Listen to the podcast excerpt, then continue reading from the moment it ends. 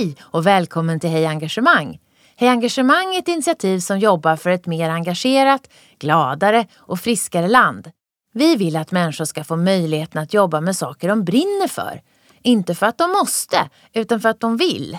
Tillsammans kan vi skapa bättre förutsättningar för ett ökat välmående och lönsamma prestationer. Med Hej Engagemang får du träffa inspirerande personer som ger tips och insikt i hur du kan nå bättre resultat på jobbet och samtidigt må bättre. Nu kör vi!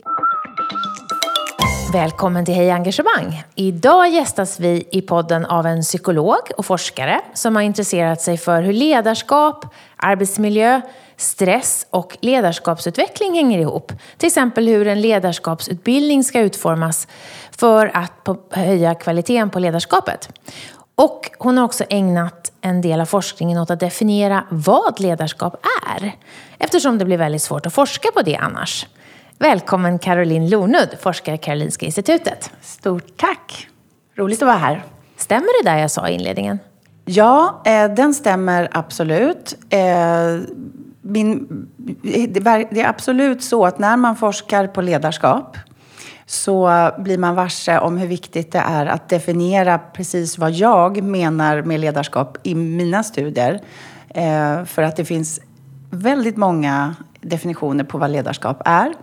Eh, så att det, av den anledningen så behöver man bestämma sig för hur mäter jag ledarskap i just den här studien. Så absolut är det så. Och det gör ju också att man funderar väldigt mycket kring ledarskapsbegreppet. Det är ett svårfångat begrepp. Mm, det ska vi komma tillbaka till. Men jag, om vi går tillbaka i tiden, när du började forska, vad var det du var intresserad av att studera närmare då? Då var det, jag jobbade inom företagshälsan som psykolog och eh, märkte tydligt tyckte jag hur de personer jag träffade som kanske var sjuka på grund av stress till exempel och försökte ta sig tillbaka till arbetet. Eh, och när jag jobbade med dem så var det tydligt att hur chefen hanterade kommunikationen och ja, själva rehabiliteringen, att det betydde mycket för hur framgångsrik den här rehabiliteringen skulle bli. Så där väcktes mitt intresse för chefens roll och för ledarskap.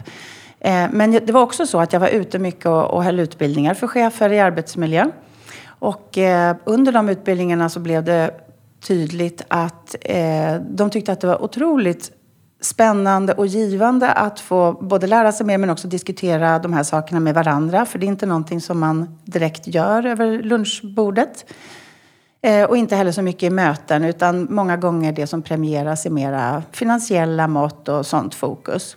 Så att det, det fanns en frustration hos både dem och mig att när de sen är tillbaka i vardagen så var det här någonting som de inte riktigt såg framför sig att de skulle ta sig tid att använda eller kunna använda på det sättet. Så att där kom också intresset för det här med pedagogiken och för hur kan man öka sannolikheten för att chefer och ledare ska använda sig av det som de får kunskap om. Mm. Vad var din egen erfarenhet av ledarskap då? Hur såg du på den goda ledaren eller det goda ledarskapet när du började forska? Ja, vilken spännande fråga. Ehm, det, det, är svårt att minnas tillbaka hur jag såg på det då. Men jag minns väldigt tydligt en föreläsning som jag var på. Och där föreläsaren presenterade ett antal problem kring definition när man ska studera ledarskap. Till exempel var pågår det någonstans? Är det i individen eller mellan individer? Eh, när börjar ledarskap? När tar det slut? Hur, hur vet man att det är ledarskap man ser och inte någonting annat? Eh, många sådana frågor som, som gjorde att jag blev ganska omtumlad efter den föreläsningen. Och, jag har aldrig tänkt så. Nej. Jag har aldrig sagt så. Nej, Var det hade sker inte, ledarskap? Nej, men exakt. Och det är ju så att när du mycket forskning på ledarskap sker med hjälp av enkäter. Att man skattar sig själv som ledare eller att medarbetare och andra skattar. Eh, och då finns det ju sådana utarbetade skalor eh, utifrån vilken liksom, teori som man väljer att fokusera på. Eh, men när man är ute och observerar ledarskap, för det finns forskare som gör det även fast det inte är lika vanligt. Då behöver man ju någonstans bestämma sig för vad det är man ska titta efter. Eh, och det är inte så, så lätt. Har du själv varit i en ledarroll? Jag har inte varit i en ledarroll, nej. Mm. Eh, du är ju på Karolinska institutet och inte på Handelshögskolan eller någon annan ekonomiutbildning där man normalt kanske tänker sig att organisationsforskare finns. Eh, vilka aspekter studerar du som inte de forskarna studerar när de tittar på ledarskap?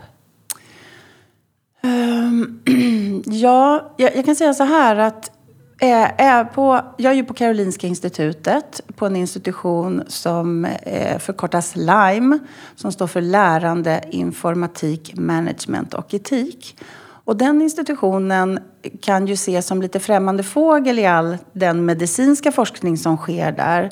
Men faktum är att både organisation, styrning av vården, hur ledarskapet utförs har också påverkan på patientutfall och på medarbetarnöjdhet och så vidare.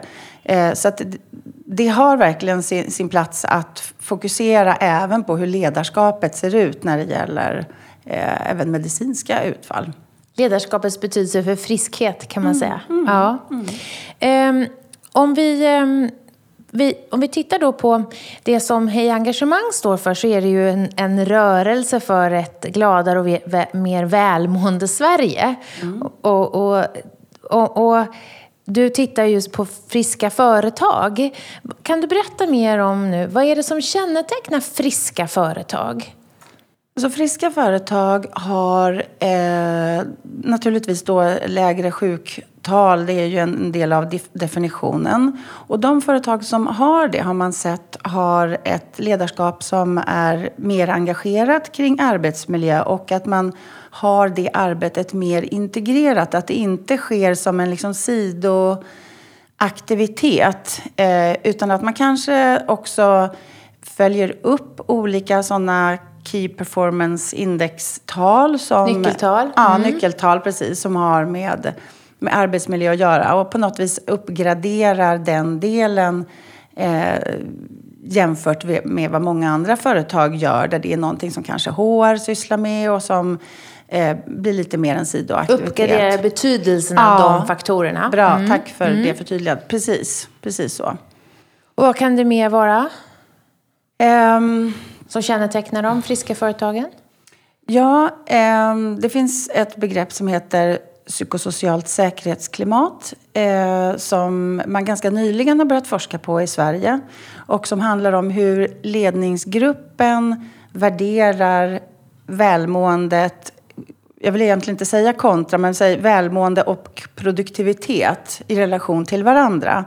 Eh, har man, och det det, hur man nu värderar det, vilken syn man har på hur viktig medarbetarnas trivsel och, och välmående är för produktivitet. Det har en betydelse för sen vilka beslut man fattar, hur man kommunicerar ut i organisationen, hur man ser till att strukturer och processer, rutiner för det här arbetsmiljöarbetet finns på plats. Eh, och det har också ett samband med hur välutbildade cheferna, man ser till att cheferna blir när det gäller sådana frågor. Så att det får liksom ett fokus i organisationen. Och man kallar det för säkerhetsklimat för att på något vis låna lite tyngd från det här att den fysiska säkerheten har ju generellt sett en större tyngd i mm. organisationer. Också lagstiftningsmässigt. Ja, mm. ja. Mm. Eh, och, och, därför så har man på något vis lånat över det begreppet för att beskriva att den psykosociala tryggheten och säkerheten eh, är också av stor betydelse för produktivitet. Det vet jag att det är. Eh, så, um, Finns det några färdiga resultat som visar kopplingen mellan det? Ja, det finns. Eh, jag känner inte till om den svenska forskningen eh, har, om de har kommit ut med med resultat ännu. Men den här kommer från Australien, den här eh, idén om den här psykosocialt säkerhetsklimat. Eh, och där har man hittat eh, eh, samband mellan eh, graden av psykosocialt säkerhetsklimat, det vill säga hur ledningen agerar och kommunicerar det här, Eh, och hur eh, stora risker det finns i arbetsmiljön, till exempel hur stora krav jämfört med resurser, om det är en balans däremellan. Men också medarbetarutfall som eh, utmattning eller stress och engagemang. Så att har man högt psykosocialt säkerhetsklimat så är det relaterat till högre engagemang och lägre stress i organisationen. Mm. Det är precis vad vi hoppas att forskningen ska visa. Ja. Så det här med hållbart arbetssätt poängterar du också att det är viktigt för, ehm, för frisk... Det är det som kännetecknar friska företag. Alltså vad är hållbart arbetssätt? Mm. Ja, eh, pratar man... Det här behöver man ju definiera också. För att pratar man om hållbarhet med eh, styrelser till exempel, eller företagsledningar, så ingår det även till exempel eh, eh, eh, miljö i det begreppet och även mer sånt här socialt ansvar som man tar för samhället i stort eller kanske till och med för i andra länder där man verkar och så vidare. Så att eh, om man med hållbart menar hälsa och säkerhet till exempel. Eh, låt oss fokusera på det nu, för ja, det är ju det det här samtalet handlar om. Ja. Eh, och vad som kännetecknar det, om man, om man tänker sig vad skulle, vad, vad är det som eh, för, goda, eh, för jord, god jordmån för, för en eh, hållbar hälsa och säkerhet så skulle jag säga att det, är, det behöver någonstans finnas ett, ett intresse och en, den typen av värderingar uppifrån eh, som genomsyrar. För att det är ju så att om man tänker sig en, en organisation som någon form av champagnetorn. Eh, så det man häller i där uppe, det kommer ju också på något vis att rinna neråt. Eh, Med champagne, du menar så att man staplar glas på varann och så det. häller man? Ja, ja men exakt. Mm. Eh, så att det, det hållbara, det, jag skulle tro att det krävs, eller krävs, men att det oftast är så att då har man också en övertygelse högt upp i organisationen att det här är viktigt och så visar sig det på olika vis. Det kan handla om att man har arbetsmiljöfrågor alltid med på agendan eller högt upp på agendan. Eller hur man, vad man följer upp eh, chefer på, medarbetare på och så vidare. Så att det handlar ju om ett, ett fokus kring de här eh, Och att du hittar bevis på att det här arbetet är viktigt på många olika ställen i organisationen. Ja, I form av aktiviteter. Ja, nej men precis. Och sen kanske att man ser på det på ett, liksom ett, att lönsamhet kommer på lite längre sikt än tre månader om man liksom jobbar eh, hållbart. Och det betyder till syvende och sist handlar det ju om att ha en, en eh, rimlig arbetsbörda och ge rimliga förutsättningar till människor att, att jobba så att de bibehåller sin hälsa. Och, och det är ju arbetsgivarens del. Sen finns det ju alltid också en, eh, ett individuellt ansvar naturligtvis att ta hand om sig själv. Men det är ju klart lättare att ta hand om sig själv i en organisation där det upplevs vara okej. Okay. Mm. Så pratar du om en, att det kännetecknas också av en tydlig företagskultur, det här med friska företag. Det här med att definiera saker är ju viktigt. Hur definierar du tydlig företagskultur? En en, jag skulle säga att en kultur är, eh, består ju av eh, hur vi brukar göra saker här. Vad vi brukar säga och hur vi brukar göra. Eh, så att det, ofta är det ju så att man märker den här kulturen först när man eh, kanske går över, över någon osynlig gräns så där, som ny till exempel. Eh, kan ju, ofta är vi ju lite, lite avvaktande och försiktiga och ser hur brukar man göra på det här stället. Eh, så att en företagskultur, det är ju också så att det är ju inte en slump vad vi gör hela dagarna på jobbet, utan vi lär oss ju ganska snabbt hur man brukar göra. Så här brukar vi hantera det här. Eh, eller i fikarummet, så den där stolen den, den är eh, Ingvars eller Kerstins. Så. Den, den får man inte sitta på och så vidare. Så att en, eh, en företagskultur i, eh, i ett hållbart företag eh, kan ju till exempel handla om att eh, man eh, behöver inte titta på mejlen på kvällen, att man inte får mejl av sin chef på kvällen. Det är ett sånt här eh, klassiskt exempel på vad man lär ut i chefsutbildningar med arbetsmiljö. Att mejla inte på kvällen för att även om du säger att eh, jag mejlar för jag jobbar bra då men ni behöver inte svara till exempel Eh, då kanske man tycker att man på något vis har kommunicerat att ni, ni ska inte vara i tjänst kvällstid. Men, men någonstans så finns ju ändå några som kommer att tänka att nej, jag behöver inte svara, men det kanske ändå ser bra ut om jag gör det. Eh, och så svarar man eh, på det där mejlet. Eh, så det är en sån kultur. Och det kan ju också vara en kultur som handlar om att man eh, tar lunch eller att man tar fika, att man går hem i tid eller vad det nu kan vara. Och, och varför jag tar de här exemplen är för att stressforskning för 20-30 år sedan var den mer upptagen av vad det är som stressar oss och vad det är det vi blir sjuka av. Men där har det skett en omfokusering till att eh, vi klarar ganska mycket stress så länge vi får återhämtning. Så att de här återhämtningspauserna är superviktiga för hållbarhet. Och det kan ju då handla om till exempel att man faktiskt är ledig på kvällen och att man har rimliga arbetstider och, och så vidare. Så allt du pratar om tycker jag låter som att det finns en tydlighet, att det finns en konsekvens mellan ord och handling. Eh, och att man praktiserar också på alla nivåer eh, enligt den här, den här synen på, mm. eh, på både vad som ger, ger ett friskt och sunt arbetsklimat men också eh, att det har en koppling till produktivitet. Att det finns en sorts övertygelse om det. Mm. En medvetenhet om det. Mm. Eller är det så att företag kan vara friska utan att någonsin ha tänkt på det här? Har du stött på sådana företag också? Eller krävs det någon form av medvetenhet? Jag har inte stött på de företagen, men eh, eh, det betyder inte att de inte finns. Det är möjligt att, att man, det är så självklart i DNA eh, så att man inte ens har formulerat de här sakerna för sig själv. Det är ju såklart möjligt att det finns så. Men nu när jag har eh, träffat ett antal styrelser i det projekt som jag eh, är med i just nu. Och eh, det handlar om svenska privata bolag med mer än 500 anställda.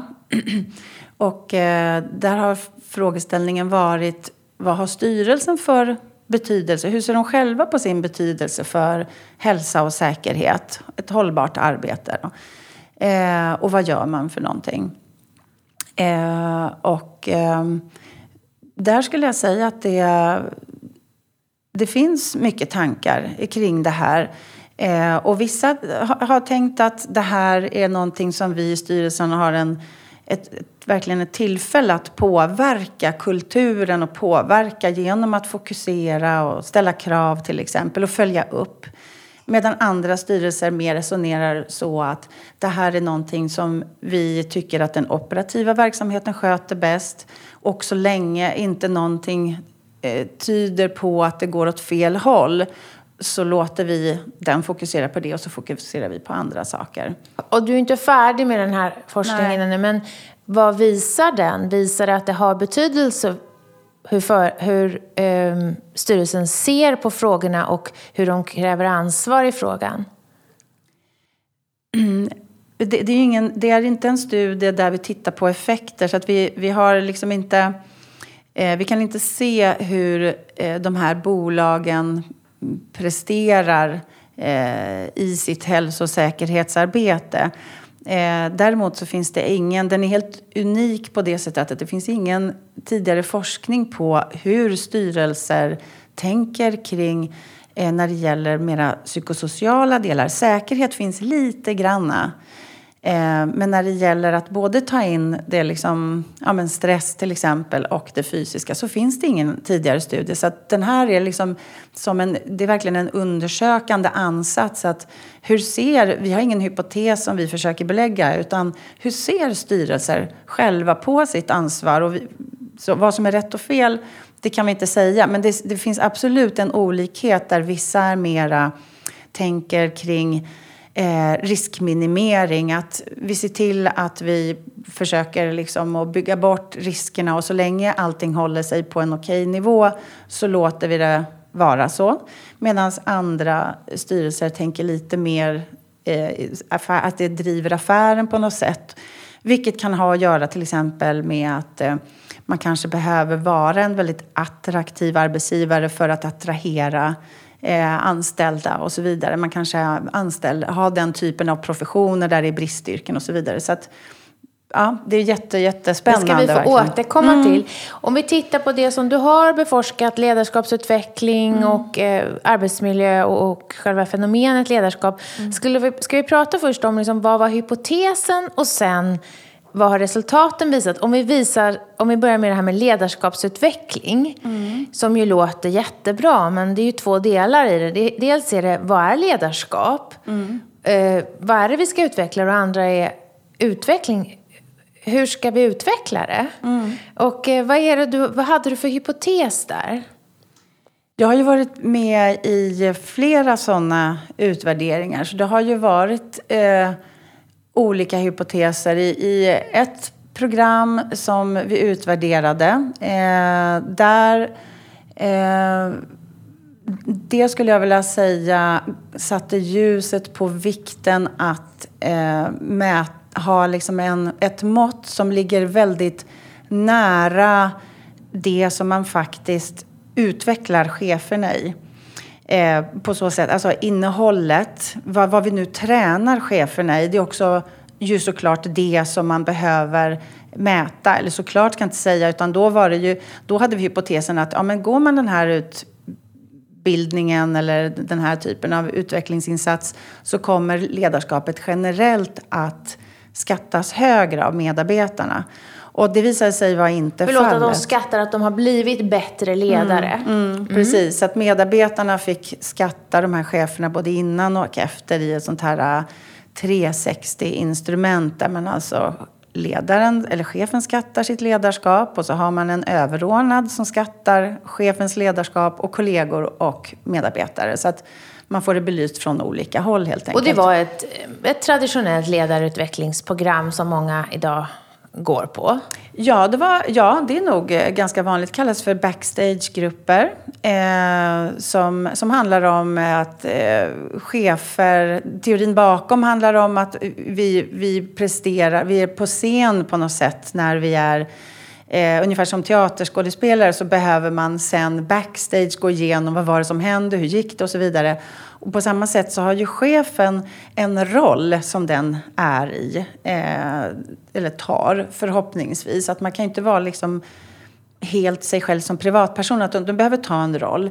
Och det gör också att du behöver prata med andra i samma typ av roll på ett, ett, eh, tryggt och opretentiöst sätt för att prata om svårigheter och hur man ska hantera saker. Så att, eh, det har tidigare, i tidigare forskning visat sig vara väldigt effektivt. Det sänker stress och man får högre tilltro till sig själv och så vidare.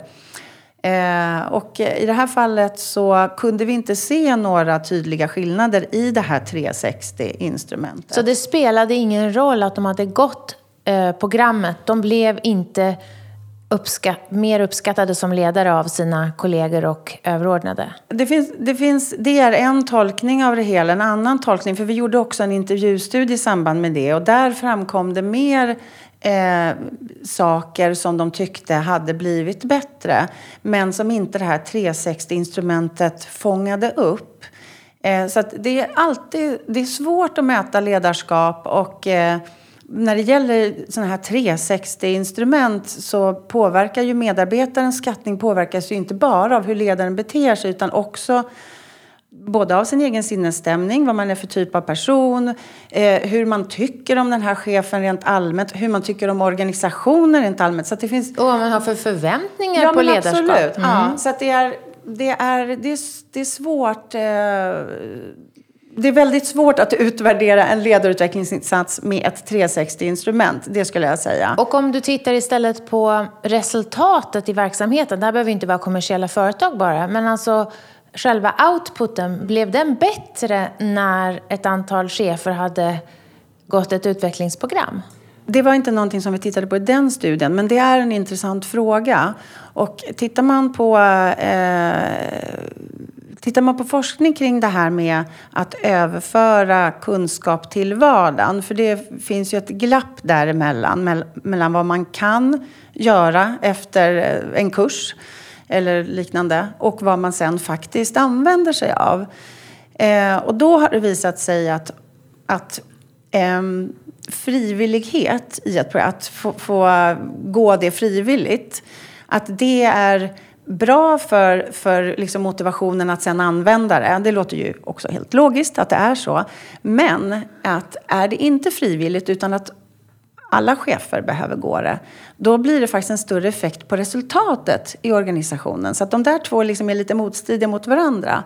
Och hur man tänker kring det eh, är bland annat att det blir en liksom är det, är det bara är det på frivillig basis så är det ju färre chefer som kommer att gå. Eh, och då är det många som går så blir det liksom en kritisk massa som kan få effekt på och det här också ha varandra eh, ja. att prata med som ja. du är inne på. Ja. Om några går, kommer tillbaka, blir besjälade av nya mm. idéer mm. men inte kan utvärdera dem med någon annan mm. så får det inte fullt utslag. Nej. Men varför ska organisationen satsa på ledarutveckling?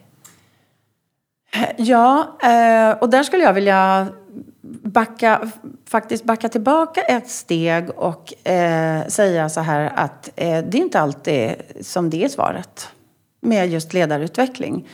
Eh, det kan ju också vara så, jag, för jag tror att det är viktigt att man eh, frågar sig också, eh, att man gör någon form av, av eh, bedömning eller behovsanalys. Vad är det vi behöver i den här organisationen? Är det ett glapp till exempel mellan vad man eh, anser att organisationen resultatmässigt borde prestera och vad man presterar till exempel? Eller finns det någon annan form av, av eh, problem eller utvecklingsmöjlighet som man... Eh, ja, ja, precis. Så att på något vis så behöver man ju veta vart man ska, någon form av riktning innan man gör en bedömning. Okej, okay, om vi nu säger att det är ditåt vi ska. Vi vill öka kundnöjdheten eller vi vill öka medarbetarnas eh, engagemang. Eh, ja, engagemang. Precis, det passar ju väldigt bra eftersom vi är engagemangspodden också. Exakt. Och då när man har, har satt en sån liksom, riktning att ja, men vi vill öka medarbetarnas engagemang så kan vi börja fundera på okej, okay, vad är det för ledarbeteenden som vi tror skulle leda till det? Eh, handlar det om att vi ska göra medarbetarna delaktiga på flera sätt? Eh, eller vad handlar det om? Va, och vad ska i så fall en ledare göra där och vad ska medarbetare göra? Så att, Förstå vad är problemet? Ja, precis. Det kan ha större man... effekt än själva insatsen att sen lösa problemet. Ja, eller nej, snarare så här att om du vet vad som är problemet, vilket håll du ska åt, då kan du börja fundera på vilken typ av beteenden ska tas dit. För det är ju det liksom organisationer består av, att vi gör människor från styrelsenivå ner till operativ nivå. Vi gör ju saker dagarna i ända. Förhoppningsvis mer eller mindre åt samma organisationens mål. Men det är nog inte alltid så, utan det är nog väldigt spretigt. Eh, så att om man vill öka medarbetarnas engagemang eh, och kommer fram till att ja, men de här, vi har de här nyckelbeteendena från ledarnas håll. Då kan man ju sen börja fundera på, okej, okay, betyder det att ledarna inte kan? Är det utveckling, utbildning de behöver? Eller behöver de bättre förutsättningar för att kunna göra det här? Så om vi bara liksom säger, kommer överens om att det är de här kritiska beteendena som behöver till och här har ni förutsättningar, då kanske de kommer kunna göra det. Så de, att analysera vad behöver jag runt mig för att kunna vara en bra ledare är en del av eh, insatsen. Att, att ja. svara på det. Ja, jag skulle vilja säga så här att innan du bestämmer dig för att utveckling, utbildning är själva insatsen så behöver du först checka av eh, handlar det snarare om att de har, inte har förutsättningar det vill säga kan de men det går inte. Eh, eller handlar det om motivation? Och det har ju att göra med vad är det som premieras i den här organisationen. Så att om du vill att ledare, chefer ska eh, involvera medarbetarna så är det också det man behöver skapa ett intresse kring uppifrån i organisationen. För om man bara intresserar sig för andra saker. Tävling eller ja. vinna ja. själv eller vara bäst. Mm. Och vad det nu kan vara. Mm. Eh, då kommer, då kommer det, det vara väldigt få som jobbar med den här delaktigheten. Då, då kommer det liksom att bygga på deras inre drivkraft. Och då får man med sig färre. Så att du behöver liksom ha ett, ett sammanhang där också man, man visar att det här har ett värde för oss som organisation, att du gör dina medarbetare delaktiga. Så att men har man kommit fram till att okej, okay, folk vill, de har förutsättningar, men de kan inte. Då är det ju en utvecklingsinsats som mm. är svaret. Och vi vet vad de inte kan. Ja, mm. ja men precis. Mm. Exakt. Och eh, jag tänker på det här med, eh, utan att koppla på teknologi, men vi pratar ju mycket om om nudging och att, att, att styra beteenden. Mm. Eh, som ju också kan, inte bara att förutsättningarna finns för att jag ska kunna utveckla vissa beteenden och, och kunna använda vissa beteenden, utan att kunna också få hjälp att stödja. Mm. Har, vi, har du sett några sådana organisationer som medvetet skapar strukturer som inte bara icke-hämmar utan verkligen stödjer ledarnas beteende? Det har jag faktiskt inte. Eh, sen kan jag inte säga att jag har letat eh, ihjäl mig heller.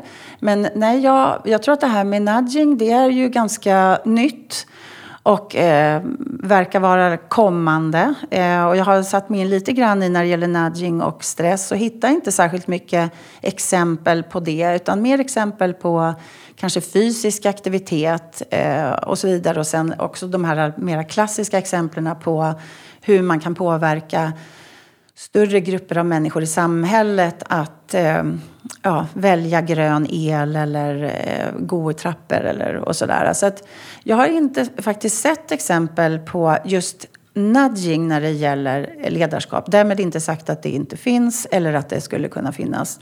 Men, men nudging har också en, är som en släkting till eh, det som kallas för aktiverare i Organizational Behavior Management, i OBM eh, som bygger på 100 år av, ja, nu är det ju drygt 100 år av inlärningspsykologi. Där man då har, har sett att vårt, vårt beteende påverkas dels av den här aktiveraren, slash nudgen då. då. Eh, det är någonting som utlöser vårt beteende. Vi, vi går inte och beter mm. oss random utan det blir en aktiverare. Eh, och sen påverkas vi väldigt starkt av det som vårt beteende leder till. Så att får vi väldigt mycket positiva konsekvenser, eller positiva konsekvenser av det vi gör, så eh, ökar sannolikheten att vi ska göra det igen. För det kändes gott att göra sådär. Eh, och det är ju någonting som man eh, däremot jobbar med mer och mer skulle jag säga med OBM. Att förstå hur både medarbetare och chefer ingår i liksom ett system av olika aktiverare och konsekvenser. Och det har vi lite grann varit inne på här också. Vad, man, vad följs jag upp på? Vad uppmärksammar min, min chef mig på? Alltså om jag sitter som då första linje eller mellanchef. Vad, vad är det som min egen chef intresserar sig för? Och det kommer ju styra mig. Det kommer påverka vad jag väljer att göra. Och om den personen eh, inte är särskilt intresserad eller till och med är ointresserad. Det är inte liksom helt... Det förekommer ju att, att personer faktiskt säger att det där med utmattning är ju, det är ju inbildning. Eller eh, ja, att man på olika vis visar att det här är inte någonting som är så intressant. Jag tycker också att man stöter på det här med att eh, eh, åsikten att eh, stress till exempel har med mycket med privata orsaker att göra. Vilket ju naturligtvis är sant, men det är ju ofta en kombination. Och arbetsgivaren har ändå möjlighet att liksom bidra på ett positivt sätt. Så på det sättet så påverkar, då var vi inne på det här champagnetornet igen där det står liksom ett glas i toppen och så blir det bara fler och fler. Att ledningsgruppen sätter ju på något sätt fokus för eller vdn sätter ju fokus för ledningsgruppen och sen så liksom rinner det neråt. Så att eh, vi får det vi mäter eh, och eh, det finns ju jättemycket att påverka där. Och jag tänker att mer och mer när du pratar om nudging så tänker jag på hur mycket vi pratar om leda och ledarskap men ganska lite om styra och styrning. Mm. Eh, och, och vad, vad tänker du om om det området, eh, styrning, är där några, eh, några kan tycka ibland att det gränsar till manipulation. Mm. Samtidigt var du inne i början på att säga att du måste gå in i en roll. Mm. Du kan inte bara kunna allting och ta det ur din privata erfarenhetsbrunn eller kunskapsbrunn. Nej, nej, varken så, men också att du behöver förhålla dig professionellt i en chefsroll. Så att det var bland annat det jag menade också. Ja, mm. men styrning mot rätt beteende, styrning mm. mot önskade mm. beteenden. Men det är precis det jag pratar om. Att, eh, att styra är ju att eh, uppmärksamma, ge konsekvenser, förstärka olika saker. Och det gör du ju genom att eh, vad du följer upp, det är en sån väldigt eh, effektivt sätt att styra människors beteende på. Eh, och ja, är det manipulation? Jag vet inte. En organisation är ju en uppsättning människor som liksom är organiserade för att gå mot ett visst gemensamt mål. Så där krävs det ju styrning. Och det köper man ju på något sätt i liksom kontraktet mellan arbetstagare och arbetsgivare. Så att jag, skulle, jag ser det inte som manipulation. Men du kanske tänkte nudging där, för där finns ju en sån debatt. Mm. Att det på något vis att du påverkar människor nästan lite obemärkt. Ja, lite liksom. ja. ja, precis. Eh, ja, och det är ju en helt egen diskussion i, i sig. I nudging-begreppet ligger ju att det ska vara gott för människan. Eh, den som nudgas, eller gott för miljön, som man väl då i förlängningen tänker, det är också gott för oss människor då.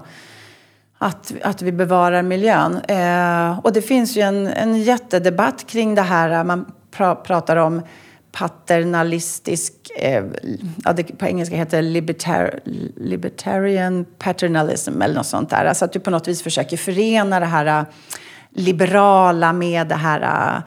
Styrningen. Äh, styrning, ja men mm, precis. Mm. Och, eh, Styrd frihet. Ja, precis. Och hur man ska liksom se på det. Eh, det har inte jag svaret på. Vad är individens ansvar? För nu pratar vi om nästan 100 procent företagssystem och företag, mm. eller organisation ska vi säga, för att det är ju inte bara företag. Organisationssystem, organisationsinsatser. Eh, när, vad, vad, har du sett av, eh, i din forskning att, att eh, vad är så att säga graden av ändå fri, vad är frihetsgraden för individen att utgå ändå från sig själv och, och, från egna erfarenheter och inte helt hamna bara i ett system. Finns det någon, någon, eh, någon iakttagelse där kring vad som, vad som är mest optimalt om vi tittar på positivt utfall? Um, ja, vad ska man säga där då? Uh, um, jag, jag skulle nog vilja säga så att uh, individen... Att, jag, jag håller helt med om... Det är väldigt mycket prat om till exempel ledarskap och vad ledaren ska, eh, ska ansvara för att skapa goda förutsättningar. Och delvis med rätta, för att om vi pratar om chefsrollen då, de har ju ändå ett, en särskild roll i att liksom styra och fördela och, och måna om sin personal. Men ibland kan jag uppleva att det blir lite ensidigt fokus på ledaren ska, ska vara någon eh, superhjälte och göra både det ena och det andra. Eh, och dels att man glömmer chefens förutsättningar. Eh, och det har vi ju pratat om mera här eh, med champagnetorn och annat. Eh, men, men också att chefen är ingen tankeläsare. Eh, och den eh, den kan inte veta hur den individuella medarbetaren har det och mår om den inte tar ett ansvar för att kommunicera det, att be om hjälp, att eh, säga nej om man nu vågar det. Där blir ju chefens ansvar att öppna upp för att man vågar berätta. Eh, för där har ju chefen en liksom väldigt viktig kulturskapande roll. Att det blir en trygghet om man faktiskt vågar vågar känna efter och vågar beskriva att man inte orkar eller vad, vad man vill eller sådär. Eh, men det räcker ju inte om bara chefen gör det, utan man behöver ju också som Eh, medarbetare eh, ha en öppen kommunikation och liksom ta ett ansvar. Sen är det alltid så att de här frågorna är eh, det kan vara svårt som chef också. Man kanske ser att medarbetare verkar jobba för hårt. Det händer ju också. Men att medarbetaren själv absolut inte vill se det här utan stångar på på något sätt i sin vardag. Eh, så det är inte alltid så lätt som, som chef heller att begränsa en person som inte själv vill bli begränsad. För att det är så mycket så, och så, så tidigt, tänker jag, idag som vi liksom jobbar på vår CV och eh, Eh, prestation är ju väldigt viktigt. Och, förver eh, många förverkligar sig själva på många jobbet. Många förverkligar sig själva. Och, eh, det är, sen från min, från min, så att vi har liksom den starka drivkraften. Jag tror att dagens ungdom är otroligt mycket mer eh, genomtänkta och strategiska än vad, vad jag var när jag växte upp. Så att det, det, är en skillnad tror jag i samhället. Man håller på och jobbar på att liksom branda sig själv och så vidare. Eh, men, eh, och jag skulle komma till något annat. Eh. Så kan man säga att, in, att individens ambition vill du självklart kanalisera i en organisation.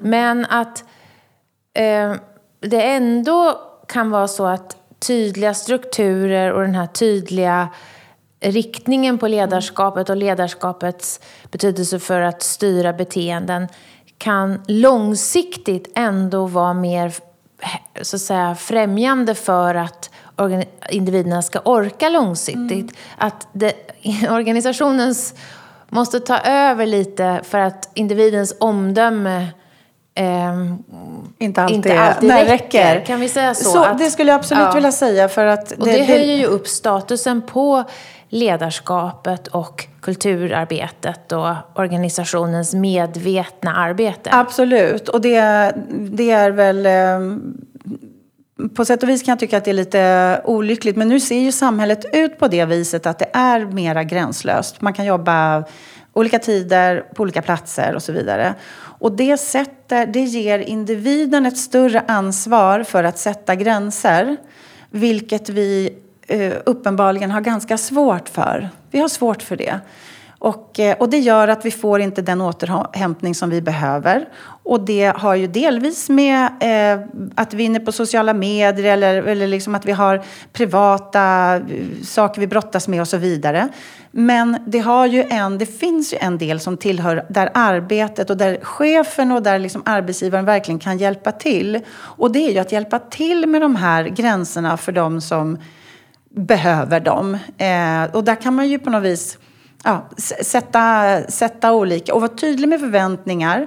Eh, för att det är ju ofta de, eh, om man jämför med till exempel att hoppa höjd, att, att, inte, att om det inte finns en ribba som ligger där, man vet inte vilken höjd den ligger på, eh, men, men uppgiften är att du ska ta dig över den osynliga ribban. Och då kommer ju vissa personer, de kommer ju gladeligen hoppa en meter och tycka att det var jättebra så.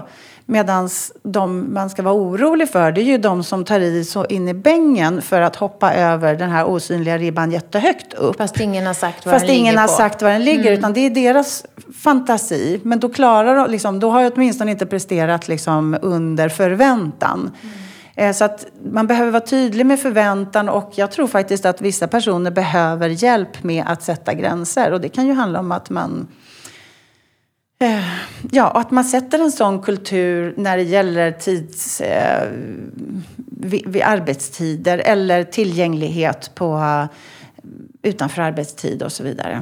Kan vi prata om en annan sak som också du har forskat på, nämligen det här med själva fenomenet ledarskap och begreppet ledarskap.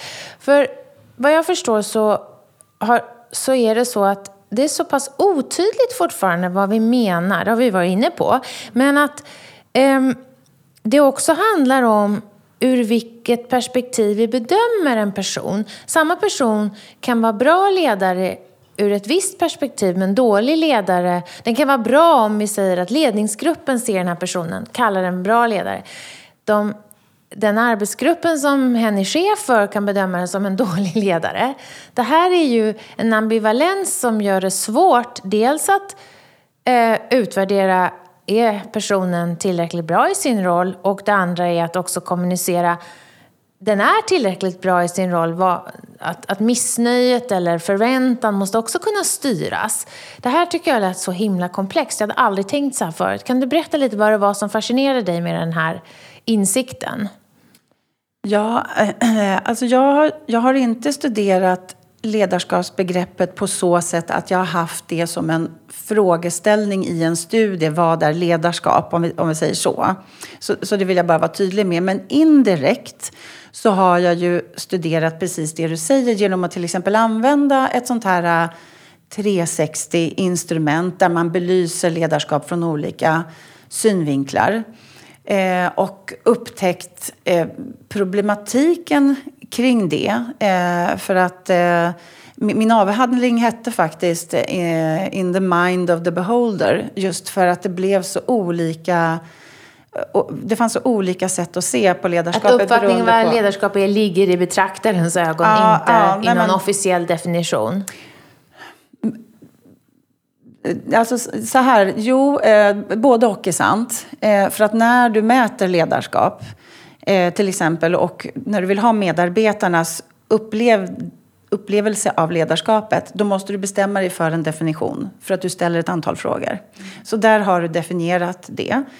Eh, sen så ligger det också i betraktarens öga för att du, du kommer liksom att få, man brukar säga att det behövs minst sju eh, personer som skattar ledarskapet i en enkät för att du ska liksom få någon form av liksom träffsäkerhet. För att annars kan det handla för mycket om att Person, det är olika personer. eller vad som helst. Ja, ja. Nej, men precis. Eh, men, och det är ju väldigt vanligt att sådana här 360-instrument används vid ledarutveckling. Det blir liksom det sättet du får feedback på inledningsvis och det är baserat på, på den som du sen sätter dina utvecklingsmål till exempel under den här ledarutvecklingsinsatsen. Mm. Eh, och, och, där har ganska nyligen en eh, studie, en sån här metaanalys, det vill säga, det var, jag tror att det var över 330 olika studier som ingick i den här metaanalysen. Man slår ihop en massa studier? Man slår mm. ihop en massa studier och det liksom betraktas som då väldigt mycket säkrare. När man kan liksom många eller flera studier säger samma sak, då kan man ju på något vis börja mera kanske sätta tilltro till det. Eh, till den forskningen. Så att eh, i den studien så visade det sig att det fanns liksom ingen skillnad mellan om du som ledare hade blivit skattad bara av dina medarbetare eller om du hade använt också andra som kollegor, överordnade och så vidare. Eh, det var ingen skillnad, så att rekommendationen var i princip att eh, det räcker med medarbetarskattningar. För någonstans är det ju också... Skrota 360? Ja, kanske. Mm, ja. Mm. För, för, någonstans är det ju medarbetarnas eh, perspektiv eh, och möjligtvis skillnaden mellan chefens eget och medarbetarnas perspektiv som är det eh, mest brinnande punkten. För det är ju dem, det är dem du ska på något vis inspirera och, och leda och eh, prestera tillsammans med din medarbetargrupp.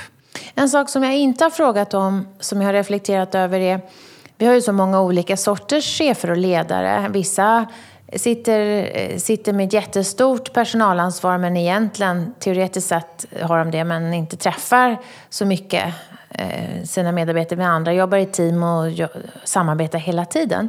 Ser det olika ut när vi pratar om de här ledarutvecklingsinsatserna? Ser det olika ut um, hur, eh, vilken effekt en ledarutvecklingsinsats har på olika typer av chefer? Förstår du frågan? Ja, ja, det är en jättebra fråga. Så vi kan lägga pengarna på dem ja, som utvecklas ja, mest. Det är en jättebra fråga.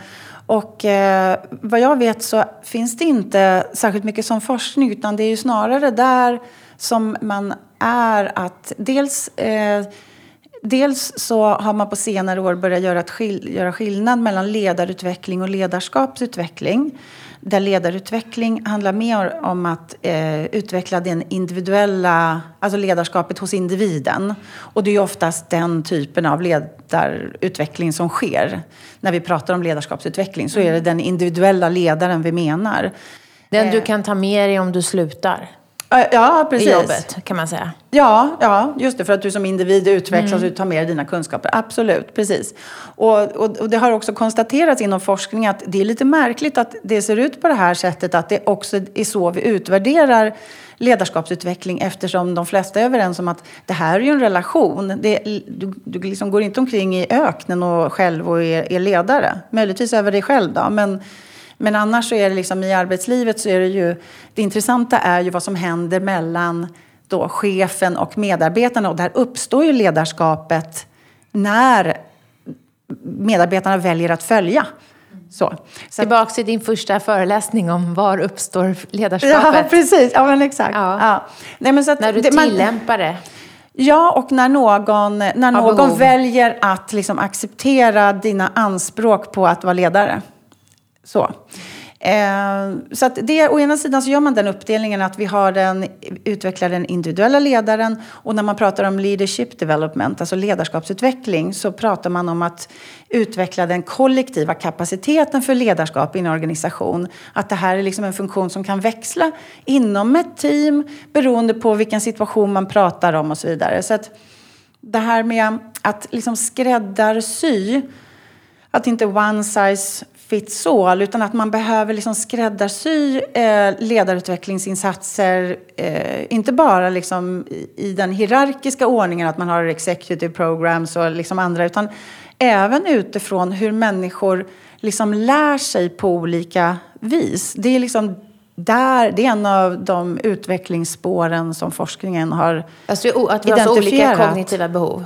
Ja, ja, precis. Och ja, kognitiva behov men också att vi har till exempel i väldigt ny forskning så har det visat sig att vårt liksom, tilltro till oss själva har, betyder mycket för hur vi liksom lyckas överföra det här till arbetsplatsen sen. Så det kan ju också inte bara vad vi har för behov av liksom kunskap utan också självförtroendemässigt till exempel. Mm.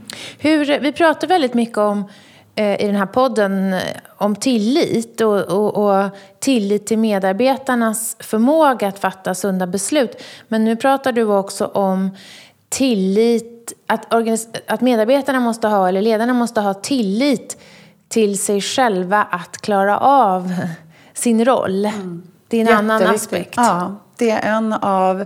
När man tittar på det här som kallas för transfer of training eller att man tillämpar sina kunskaper efter en utbildning faktiskt på, på arbetet så är då, då kan man titta på individfaktorer. Vad är det som liksom predicerar att man faktiskt sen kommer använda det som man lär sig? Då är då självförtroende, tilltro till att jag ska klara av att, att leda till exempel, är en av de faktorerna som, som predicerar det. Och även vilken nytta som jag innan liksom, utbildningen upplever att jag kommer ha av den här? Alltså är det här en, en eh, utvecklingsinsats som jackar i ett behov som jag själv uppfattar att jag har och inte bara liksom kommer kanske uppifrån eh, och så vidare. Det är ganska självklart men det är säkert så att det inte alltid görs på det nej, sättet. Nej. Slutligen, vad borde jag fråga mer om som du verkligen tycker är mm. intressant att prata om? Mm.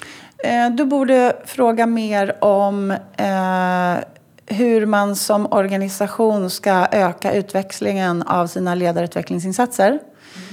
Mm. Och då skulle jag vilja... För då frågar du det nu. Ja. ja, bra. Hur ska man göra det, Ja, hur Caroline? ska man göra det? Ja.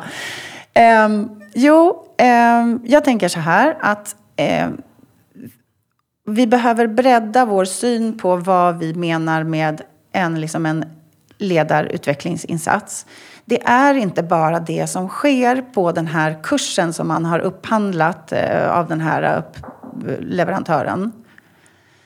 Utan dels så skulle jag starkt rekommendera att man gör någon form av behovsanalys.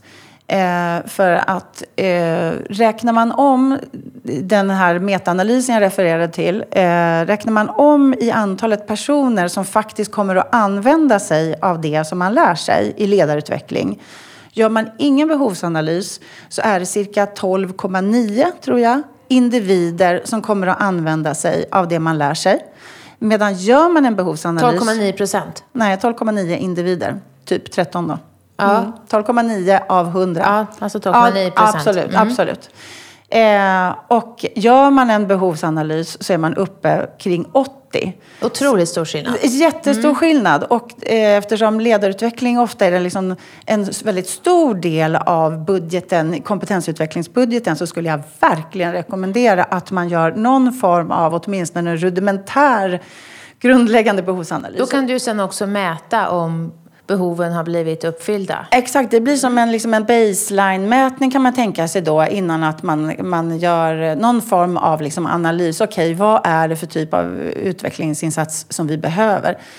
Eh, och sen skulle jag också säga att man på samma sätt ser under och efter utbildningen så att man förstår att eh, en, en organisation innehåller faktorer som både hindrar och underlättar att man tillämpar det här nya.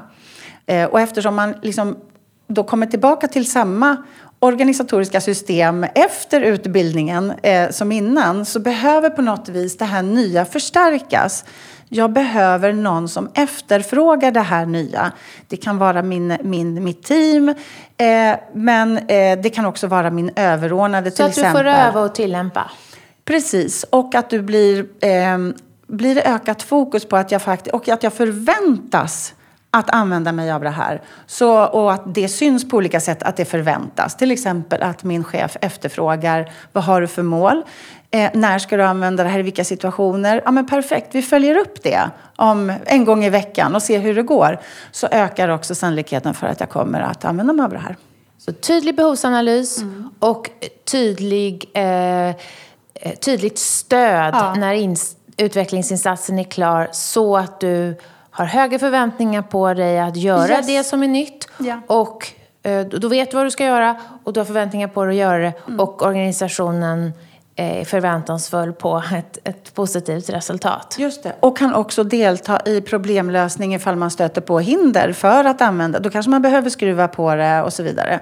Du så sprider att... ju kunskapen till gruppen på ett annat sätt om vad du själv har varit med om. Du liksom det, det blir ju en, mm. en, en, annan kontext för du kan ju också prata om de ja, utvecklingsinsatser ja. som du har gått igenom. Ja, ja. Jo, men precis. Och riktigt modiga ledare vågar säga nu, nu övar jag på det här och ni får gärna ge mig feedback för det här vill jag bli bättre på.